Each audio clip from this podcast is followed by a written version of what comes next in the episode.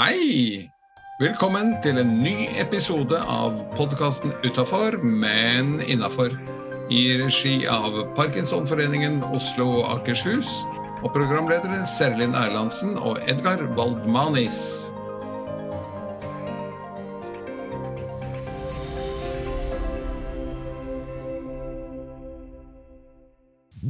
Hei, som vanlig så heter jeg Seri Lind. Og har du bytta navn? Jeg har ikke byttet navn, jeg heter fortsatt Edgar. God morgen, Edgar. God morgen, du. Og gratulerer med dagen. Eller det Nå er det ikke bare du som ser ut som et spørsmålstegn.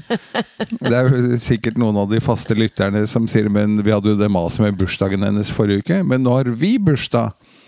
Fordi vi passerte 9000 nedlastinger av denne podkasten i går. Fantastisk. Det vil jeg si. Nydelig. Og bare som en sammenligning, eh, Parkinsonforbundet har drøye 5000 eh, medlemmer på landsbasis. Og vi har da nådd ut til nesten dobbelt så mange. Fantastisk. Det må vi si hipp hipp for. Hurra! Hva er dagens program, Edgar? Dagens program er um, at jeg tar oss gjennom dagens program. Det er òg et program. Det er også et program. Det er også en spalte. Og så har vi dagens eh, tips. Og så har vi ukens gjest, eh, som denne uken er Elbjørg Fiske fra Norsk Parkinsonregister og Biobank. Hun skal fortelle litt hva de jobber med. Og eh, så har vi forhåpentligvis en fremsnakk. Og en kransekakevits. Eh, Hvor vi ser hvor eh, mye lavere vi kan komme på nivå der. Og til slutt en quiz. Nydelig. Du, eh, hvordan har du hatt det siden sist? Jeg har eh, hatt det veldig bra, for jeg har sittet og fulgt med på denne tellingen, som sagt, med antall nedlastinger. Og, eh, og sett at vi da passerte 9000, og fortsatte bare fosset forbi fin i farta der. Er det sånn som gir deg motivasjon til å fortsette når du ser at tallene øker? Ja, selvfølgelig. Ja. Det er jo det som er morsomt å se. Og vi får mye hyggelige tilbakemeldinger på podkasten vår. Og så er vi jo jevnlig på jakt etter forbedringsområder. Hva kan vi gjøre for å bli enda litt tettere på, enda litt bedre, enda litt mer informative om eh, Parkinsons eh, sykdom, og hvordan det er å leve med den. Så det er jo da altså et lite sånn eh, opprop, holdt på å si utrop til de som lytter på, om at de gir oss så gjerne tilbakemeldinger. Absolutt. Du, jeg lurer på en ting. Men Eh, eh, hvordan har du hatt det? ja, Lita, lite det Takk som spør. Vær så god. Men jeg var litt på ballen her, eh, så jeg spør deg om det først. Og det er at ehm, eh, For noen ganger siden så hadde vi et eh, tips. Og det var prøv å se om du kan klare å si høyt én til tre ting du er takknemlig for eh, daglig en liten periode, eller bare legg det inn som en vane. Ehm, Eh, fordi at eh, hjernen er jo som litt sånn mentalt helsestudio. At du må øve på ting for at det skal sette seg. Vi må trene for at vi skal ha bedre mental helse. Har du som pushup, så må vi ta pushups og glemmer du ut en periode, så er det vanskelig og tungt å begynne igjen. Har du vært god på å, i det siste å se på ting du er takknemlig for, og si de høyt, eller ha fokus på det? Ja. Eh, da var det de 9000 nedlastingene igjen. Nei, for å ta noe litt mer personlig, så går jeg jo tur hver eneste morgen. Og tenker at så bra at jeg kan gå tur her eh, i dag òg. Jeg bor eh, rett ved Torshovdalen. Og jeg går en eh, runde rundt eh, den og er innom det som kalles en tuftepark. Det er en sånn med faste treningsapparater. Jeg er jo langt ifra en av, de beste der, men jeg kan i hvert fall gjøre noen enkle øvelser. Og så tenker jeg ja, men det ble tre ganger den og fire ganger den i dag også. Fantastisk. Og, eh, og det gleder jeg meg over. Så jo, jeg er ganske bra på å se på ting jeg kan glede meg over. Så bra. Da håper jeg at du som lytter òg fortsetter med å være takknemlig for ting. Eh, indre eller ytre. Ja. Så skulle jeg svare på hvordan jeg har hatt det. Ikke sant? Vi er tilbake til det. Vi er tilbake til det. Du, jeg har, jeg har det veldig bra. Og jeg synes jo, jeg blir jo bare glad når det er så fint vær. Jeg syns denne høsten er helt nydelig. Selv om vi burde vel alle ha danset reindansen, tenker jeg. For det er vel det vi bør ha. Det er det vi bør ha nå. Så ikke strømprisene øker enda mer. nemlig. Men um, en ting, og det, dette kommer til å skli litt inn i det som kommer til å bli tipset.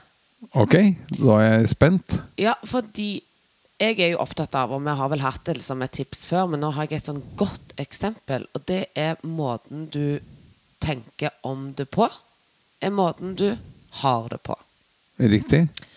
Og her om dagen, litt dårlig tid. tider var faktisk eh, på vei til mandagsklubben. I Oslo Syd? Ja. Eller så var det onsdagsklubben. En av de. Så eh, kjørte jeg ut av garasjen, og der var det en bil som sperra veien. Og siden jeg hadde dårlig tid, så går det ganske kjapt før jeg blir ganske så irriterte og vurderer å hive meg på hornet og tute. Så jeg ga det vel kanskje Føltes som to minutter, men det var sikkert 30 sekunder før Ja. jeg bare tuta en gang. Og så var jeg på vei ut av bilen. Det som skjer da For da er jeg lynforbanna, for den kunne stoppet litt lenger borte, så hadde jeg kommet forbi. Ja. Sånn kan jeg bli så irritert på på en dårlig dag. For jeg er egentlig irritert på meg sjøl, som er for seine. Ja. Så ser jeg at det er pasienttransport. Oi. Da var jeg plutselig ikke irritert lenger. Nei. Og da når jeg var på vei ut av bilen, så var jo det så flaut at da gikk jeg bort og spurte om det var noe jeg kunne hjelpe med. For å liksom late som det var ikke derfor jeg tuta at jeg ble irritert. Nei. For det som skjer da, er jo at eh, selvfølgelig skal jeg For da tenker jeg jo helt annerledes om den bilen som står der. Ja. Da var det ikke en person som tok seg til rette, som bare parkerte fordi at det passet han for han skulle inn med en pakke. Da var det plutselig dette, Her må han parkere, for her skulle han trille ut en pasient. Ja. Og det er rart hvordan følelsen i kroppen kan endre seg så kjapt, for måten du tenker om det på, er måten du har det på. Nemlig. Så det er mitt tips. At du kan styre følelsene dine ved å tenke annerledes om det. Ja. Dette syns jeg var et veldig bra tips, jeg. Og det er noe som nok treffer ganske mange av oss i hverdagen, som, eh, som vi også har snakket om, og som eh, flere av ukens gjester har eh, nevnt. Når du står i kassekøen på din dagligvare, ingen nevnt, ingen glemt, og du fomler med enten den store bæreposen eller en av disse posene til, eh, til frukt og grønt eller hva, og så merker du at oi, nå begynner køen å bygges opp. Så kan du si at jeg strever litt her, for jeg har parkinson. Og vips, så sier folk å, trenger du hjelp? Skal jeg hjelpe deg å åpne posen? Skal jeg hjelpe deg å putte ting oppi? Og så blir det en helt annen feeling enn bare han der som står og fomler eh, borti der, sånn kan ikke han bli ferdig snart. Helt riktig. Husk det. Du kan styre følelsen din i kroppen ved å velge hvordan du vil tenke om det. Ja. Skal vi ringe opp ukens gjest, da? Eller? Da syns jeg vi ringer opp ukens gjest. Super. Elbjørg Fiske i Parkinson-registeret. Skal vi registrere oss inn? Det skal vi også i løpet av sendingen. Bra.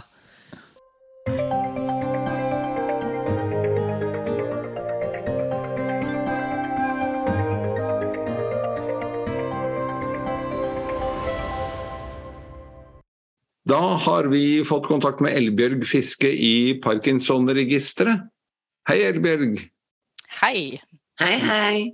Hei. Du, rett på sak, hva er Norsk Parkinson-register?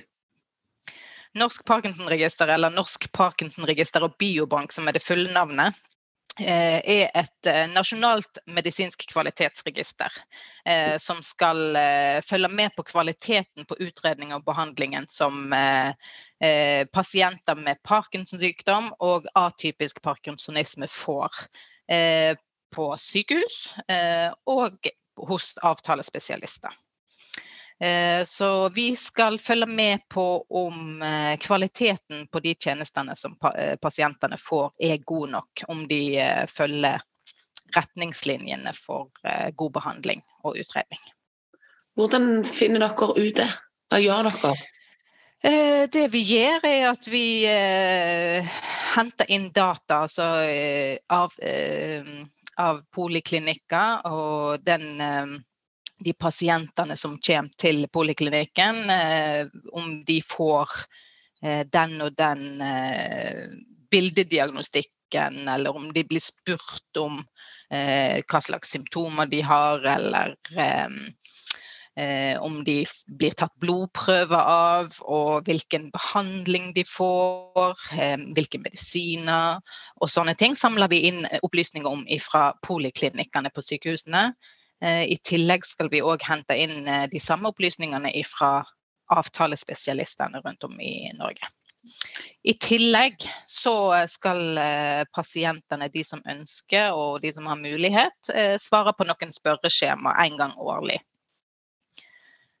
Så vi henter inn veldig mange forskjellige typer opplysninger om pasientene, og, og deres opplevelse av den behandlingen de får. Da.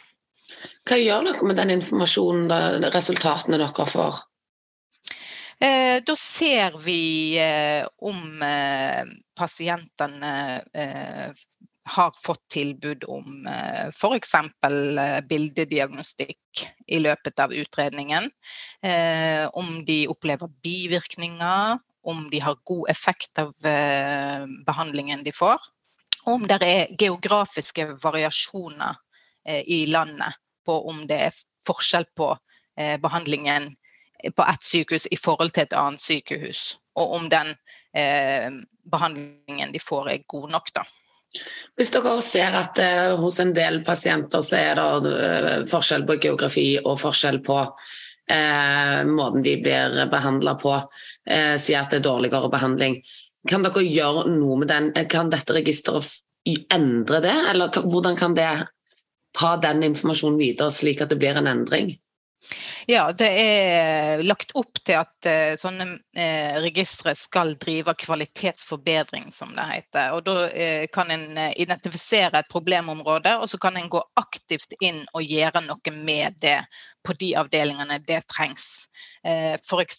hvis en ser ved et sykehus eller en avdeling, så er det for lite av et kartleggingsverktøy, f.eks. At det blir brukt i for liten grad. Så kan man gå inn og eh, sette inn tiltak og si at her må man øke bruken av dette, sånn at eh, pasientene blir fulgt godt nok opp.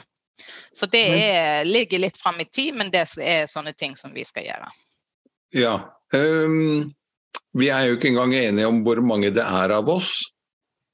Altså, Nei. ikke fått vite det ordentlig, men um, men, eh, og for nye lyttere òg, så er det eh, så er vi to som sitter i studio her, Serlin Erlandsen og jeg selv. Jeg har diagnosen, og Serlin har ikke. Hun er logoped og hjelper en hel skokk med Parkinson-pasienter årlig. Men ellers så svirrer jo tallene mellom 8000 og 12 000. Ja, og... En forskjell på 50% opp liksom fra 8 til 12 er jo en økning på 50 motsatt fall så er det en tredjedel ned, hvis det ikke var tolv allikevel. Ja, og det er jo et uh, spørsmål som vi dessverre ikke har et eksakt svar på. Og uh, grunnen til det er jo flere. Men uh, de pasientene som blir fulgt opp av avtalespesialist eller på sykehus, de blir jo registrert i det som heter Norsk Parkinson-register, nei, unnskyld, Norsk pasientregister. og de kan vi hente tall ifra. Eh, og på unike pasienter og se hvor mange som er registrert med den diagnosen eller en atypisk parkinsonisme-diagnose. Eh, eh, men det blir litt sånn omtrentlig. Eh, så når vi har foretatt en, eh, en telling i NPR, da, eh, så har vi kommet til et tall på drøye 9000. Men det er veldig usikkert. Og det er jo en av de tingene som vi vil eh, jobber for å finne litt mer ut av hvor mange pasienter som er i Norge. Men eh, pasientene som blir fulgt av rene private nevrologer, de vil ikke vi eh, fange opp. Så dette vil jo være usikre tall uansett. Men eh, eh, kanskje vi kommer litt nærmere et svar. Hvis de som um, hører på nå tenker at der burde jeg registrere meg sånn at jeg er med i tellingen, hva skal de gjøre da? Du, det er flere måter de kan eh, gå fram for å nå det målet. og det er Et av de målene er jo at de kan registrere seg sjøl eh, via en link og via en nettside. Så hvis de går inn på våre nettsider, eh, parkinsonregister.no, så vil det være en link de kan klikke på. Eh, for å melde seg inn. Men det krever at de har, bruker eh, bank-ID, sånn at de kan logge seg inn i eh, systemet og identifisere seg. Da får de opp et samtykkeskjema så de må krysse av hvor de hører til. Og på sykehusnivå, altså om de hører til Helse Bergen eller Oslo universitetssykehus eller en avtalespesialist. De vil òg finnes i lista. Eh, hvis de ikke har en aktiv Helse Norge-profil, som dette her krever, så kan de snakke med nevrologen sin eh, og si at de ønsker å være med. Eh, så eh, skal de ulike avdelingene og avtalespesialistene kjenne til registeret og eh, sørge for at de kan signere et samtykkepapir. For dette her er altså et samtykkebasert register. Nemlig. Um du sa de kan snakke med nevrologen. Da er det et tilbakevendende problem at disse nevrologene er ikke lette å få tak i, og når du først er inne, så har du veldig kort tid til alt sammen. Kan de eventuelt gå, for Du sa at hvis de har en aktiv Helse Norge-profil, kan de få hjelp av fastlegen til å opprette en slik, hvis de ikke de har? Det er jeg litt usikker på om uh, fastlegen kan hjelpe til med. Det kjenner jeg ikke til. Det kommer litt an på um, på kapasiteten hos fastlegen òg. Men eh, hvis de har pårørende som kan hjelpe til med å få opprette en sånn eh, profil, så er det jo det en eh, god eh, ting å spørre hjelp om hjelp til. Eh, og, eh, men det krever jo at man kan håndtere innlogging og beskjeder man får på Helse Norge. Men nå i, under pandemien så er det jo veldig mange flere som er digitalt aktive fordi at pga. koronatester og alt mulig sånt at de har hatt uh, mulighet til å sjekke svar på de på Helse Norge. Så det, det har jo skjedd en økt eh, digitalisering for veldig mange da. Så vi håper at mange har anledning til å, å, bruke Helse Norge på den måten. Hvor gammelt er dette registeret? Hvor, du, vi fikk nasjonal status i 2016. Eh, etter det så har det jo vært en del utviklingsarbeid, så eh, både med å finne ut eh, hvilke variabler, som det heter, som vi skal se på, og teknisk plattform har tatt en del tid til å utvikles. Da vi, begynte vi å samle inn data helt på slutten av 2018. Så du har vært der siden begynnelsen, fra siden 2016, eller? Jeg har vært med siden 2016, ja. Det har jeg. Men eh, dette, før det så var jo dette her et langvarig arbeid som eh, begynte lenge før jeg starta eh, her. Hmm. Ja. Hva kunne du om parkinson før du begynte å registrere parkinsonister? Du, jeg kan Før jeg kom hit, så kunne jeg ikke så veldig mye om Parkinsons sykdom. Det gjorde jeg ikke. Jeg eh, er utdanna søvnfysiolog. Eh, wow, så spennende. Ja, så jeg har jobba med søvn i veldig mange år i Bergen. Eh, og så flytta jeg til Stavanger og kom inn i dette miljøet og måtte sette meg inn i et nytt fagfelt. Det måtte jeg. Så det var veldig spennende.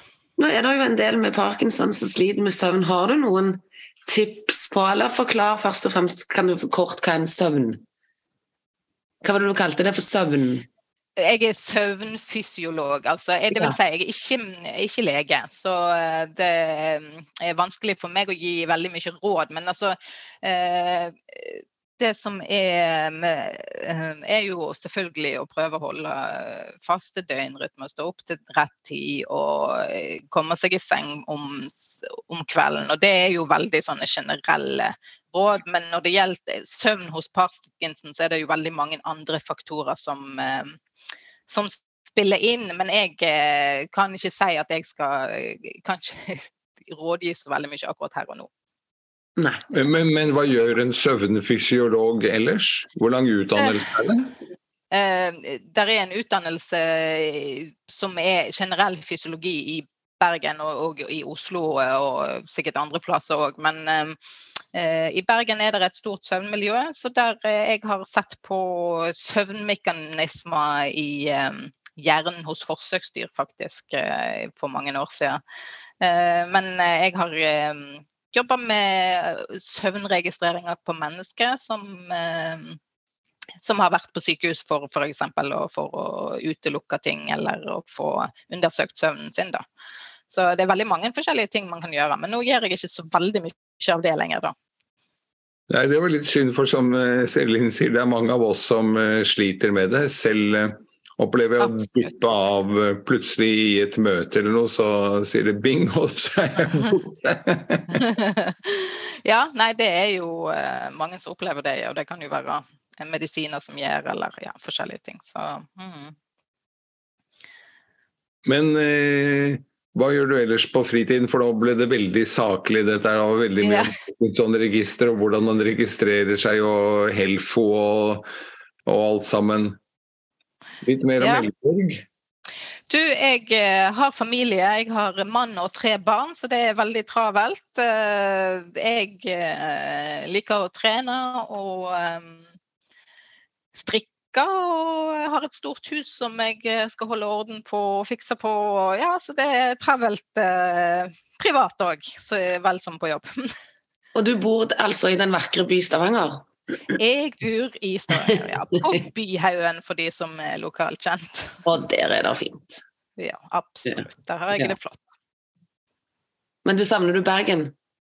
Innimellom så savner jeg Bergen, det gjør jeg. Eh, Bergen er jo en veldig kjekk by. og Eh, jeg har jo bodd i Bergen i mange år, så eh, det vil alltid ha en spesiell plass i hjertet. Og jeg har mange gode minner derifra. Men jeg er veldig fornøyd med å bo i Stavanger. det skal jeg. Ja, for De fleste damer pleier å klare å lokke mennene tilbake til fødebyen sin? Ja, jeg har et inntrykk av at det er andre veien. Ja, det. det må være noen av de Stavanger-mennene, det, da? Det, det tror jeg. Så bra. Men eh, tilbake til eh, deg og parkinson. Hva gjør du for å øke radikalt de som eh, registrerer seg? Jo, altså Det som har skjedd nå under pandemien, er jo at det har vært veldig vanskelig å få eh, sykehusavdelingene til å registrere data, fordi at de rett og slett ikke har hatt kapasitet. Så det vi gjorde da, var jo denne her eh, nettsida som jeg var inne på tidligere. Fikk utvikle en løsning der pasientene kan registrere seg sjøl. Eh, så det er jo hovedvirkemiddelet vårt for å nå ut. At pasientene i stedet for å vente på at eh, avdelingene eh, sier oi, hei, her er et register, vil du bidra? Eh, så kan de eh, finne informasjon om registeret sjøl og si at ja, dette høres bra ut, dette vil jeg bidra til. Og det er jo en av eh, de aller kjekkeste tingene vi kan si om dette her, er jo at vi jobber for å øke kvaliteten, for at alle eh, Parkinson-pasienter skal få den samme eh, eh, kvaliteten på behandlingen. Uansett om du bor i Finnmark eller om du bor i Oslo. Eh, så eh, I tillegg så får de jo da anledning til å uttale seg om sin opplevelse av den behandlingen de har fått det siste året. Så jevnlig så får de spørreskjema eh, om eh, forskjellige ting om sin eh, sykdom og sin behandling, men òg hvor fornøyd har du vært med den behandlingen du har fått det siste året. Ja, for det er litt interessant, eh, for at jeg var inne og registrerte meg forrige dagen. Mm. Og så var det faktisk ikke noe mye mer spørsmål om enn at jeg eh, hører til under Oslo universitetssykehus. Mm. Så hadde bing, og så var jeg ferdig registrert, og det var det hele. Når får jeg noe spørreskjema om om behandlingen? Eller hvor ofte eh. det dere ut?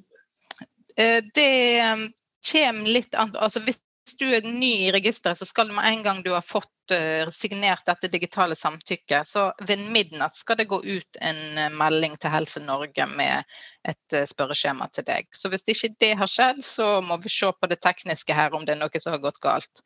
Men dersom du er helt ny i registeret og ingen har registrert deg før og du ikke har fått mottatt et sånt spørreskjema tidligere, så skal det komme automatisk et spørreskjema til deg på Helse Norge. Så hvis da det ikke har skjedd Da må vi ta oss en prat etterpå. Det skal vi gjøre.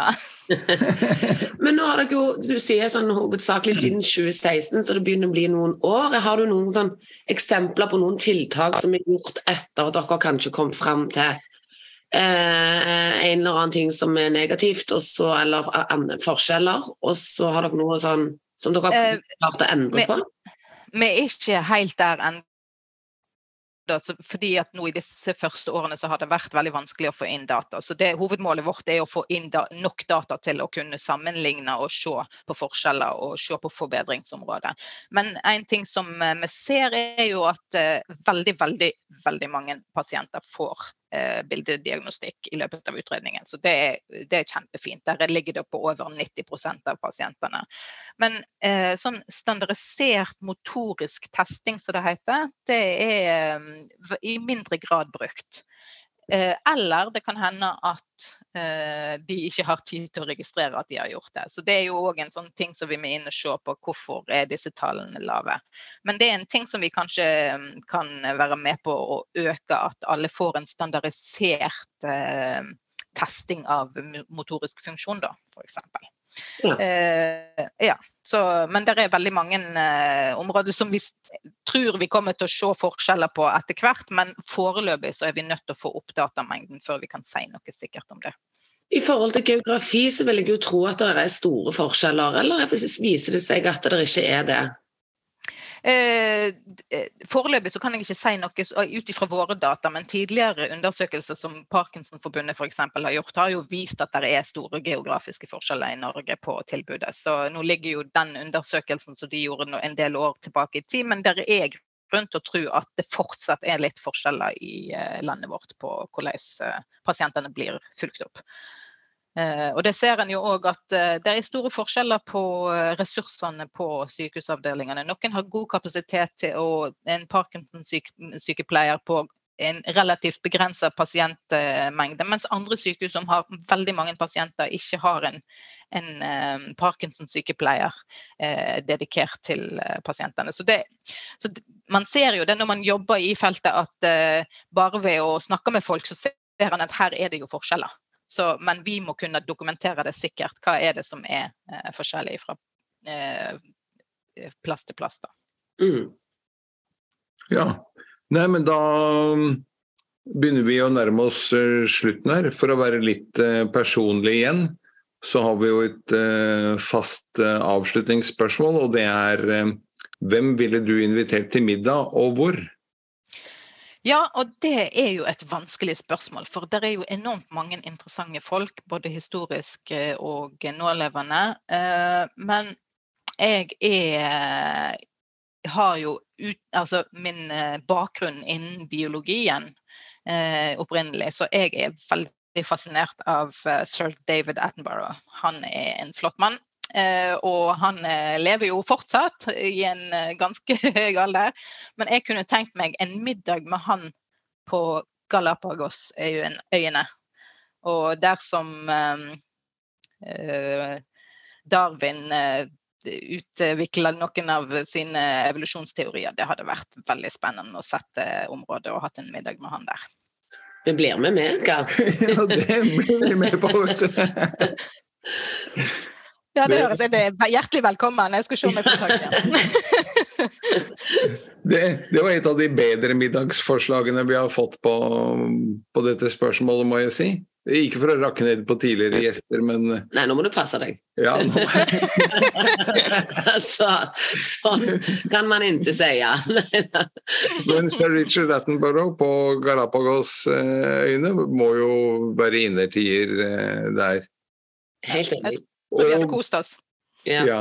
og til deg som lytter, hvis ikke du er med i Parkinson-registeret, så gå inn på siden og registrer deg. Og så krysser vi fingre for at eh, både kvantitet og kvalitet går radikalt opp eh, heretter. ja, det håper vi på. Takk for at du var med oss, Elbjørg. Tusen takk for at jeg fikk være med.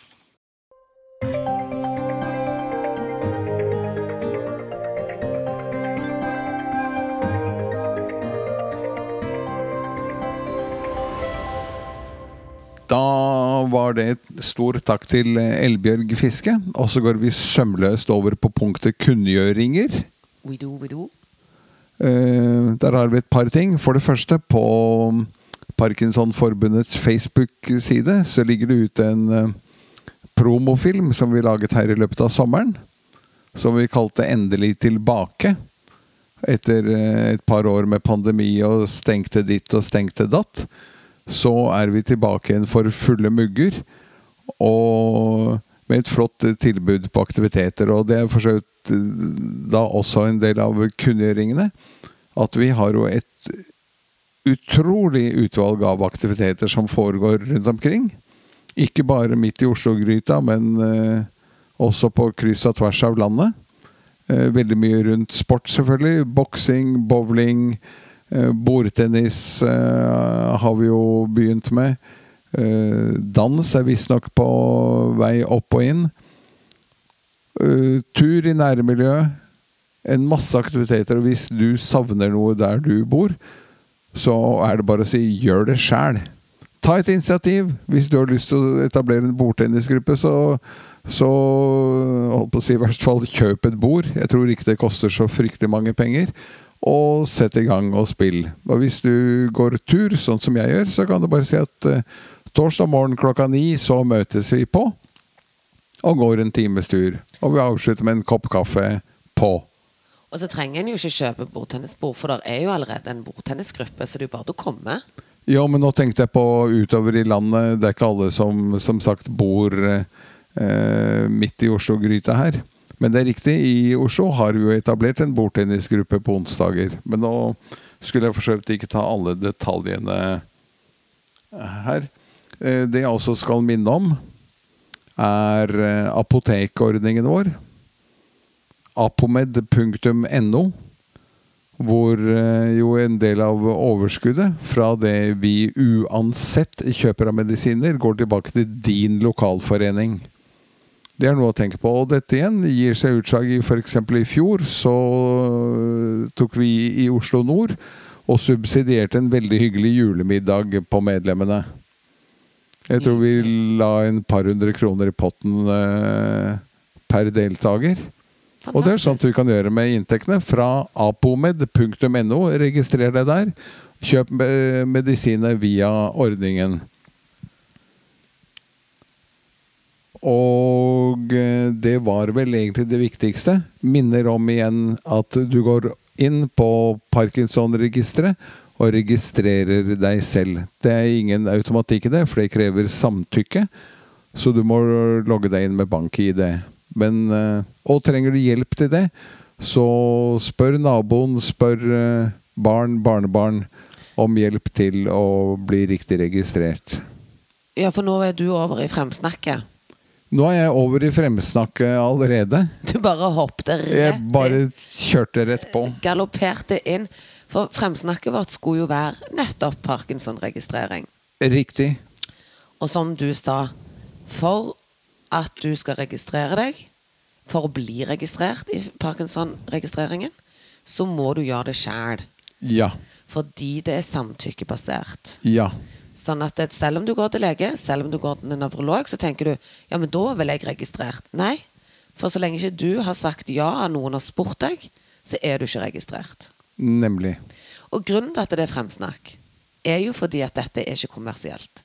Dette er sånn at hvis du registrerer deg, og hvis du fyller ut skjema, så vil dette gjøre at du vil få et bedre behandlingstilbud rundt omkring i Norges land. Nemlig. For det er jo en del som eh, klager og sier at jeg kommer ikke ofte nok til nevrolog, eller jeg får ikke hjelp med det eller det. Eh, Eller jeg fikk ikke den testen, fikk du den testen? Var det sånn du ble Var det sånn det begynte hos deg? Men jeg fikk aldri en motorisk test. Nemlig. Og ved å få dette registrert, så kan man altså ta opp og se på forskjeller fra sykehus til sykehus, fra landsdel til landsdel, og gjøre grep, sånn at vi får et likere tilbud og et bedre tilbud på kryss og tvers. Riktig. Da har vi gjort unna fremsnakket også. Ja. Da er det bare et par eh, de, holdt på å si de to morsomste postene igjen. Og det er kransekakevitsen. Først. Riktig. Er du klar? Jeg er klar. Jeg ler bare vi kommer til den. Ja, men det er godt, det. Vi må trene de der lattermusklene våre. Ikke sant? Har du hørt om han som ikke kunne sykle for faren satt i styret? Å, herregud. Er ikke det nydelig? Den er gammel. Den er gammel som haugene. Og litt til. Jeg tenker at den er gammel og god, jeg. Ja. Ja. Men du, da er det vel eh, ukens quiz. Det er det. Og for eventuelt nye lyttere så er det altså slik at vi eh, sosialt i dag si avslutter med en quiz for å trimme hjernen. Det er viktig med fysisk trening når du har Parkinsons sykdom. Det er også viktig å trimme hjernen jevnlig. Hva er temaet i dag? Du, Jeg lurte på om vi skulle kjøre kvinner. Er det, høres det bra ut? Ja, det er jo alltid morsomt. Ja. Jeg eh, skal vi se hva du kan om disse kvinnene rundt omkring i, ja, opp gjennom tidene og rundt Oi. omkring i verden og slikt. Oi, oi, oi. Ja. Hva het den franske heltinnen som ble henrettet i 1431, bare 19 år gammel? Var ikke det hun eh, Jeanne d'Arc?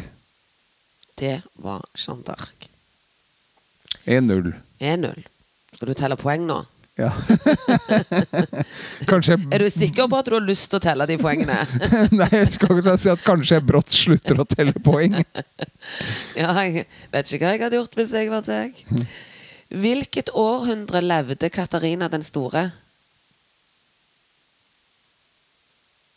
Oi eh, 1800-tallet. Ni. 1700-tallet. Ja, det var nesten, da. Mm. 1729 til 1796. Så det var nesten. Helt enige. Og hun levde jo til 1796, så det er så godt Ikke sant, som at det ja, går litt over i det 1800-tallet. Hva het Camilla Collett til etternavn før hun giftet seg med Peter Jonas Collett?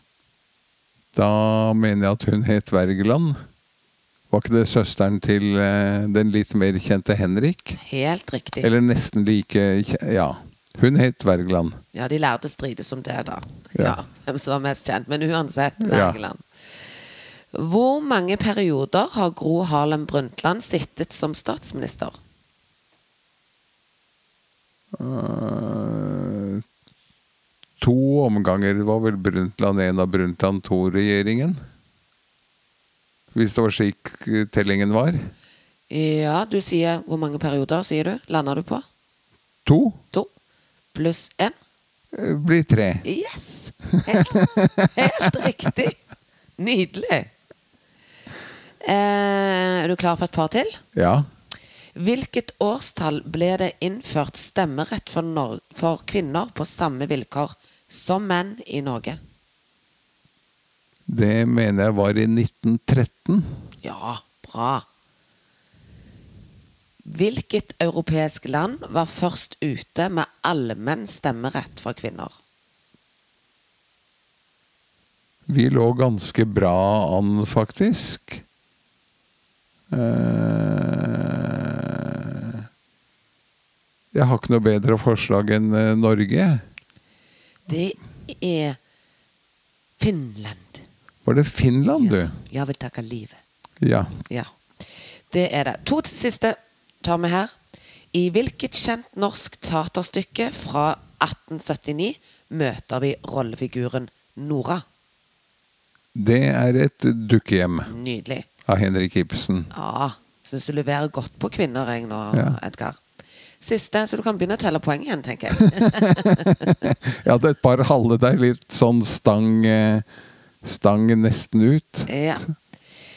Hvilken utøver er den mestvinnende kvinnelige vinterolympier gjennom tidene per 2017? Jeg ville tro at selv om Nei, kanskje Marit Bjørgen ikke hadde gått helt opp. Eller Ser du til meg, ett på meg for hint, eller? det mestvinnende norske. Nei. Gjennom tidene.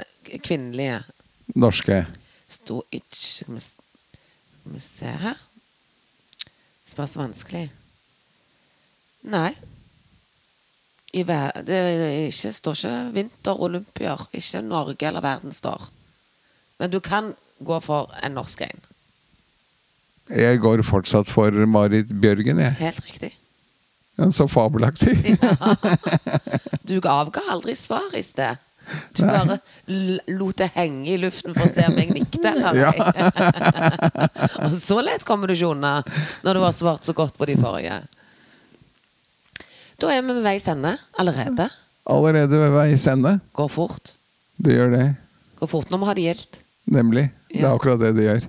Det var eh, alt for denne gang av podkasten Utafor, men innafor. Programledere som vanlig Serlin Erlandsen og Edgar Wold Manis. Vi ønsker på hjertelig gjenhør ved neste anledning.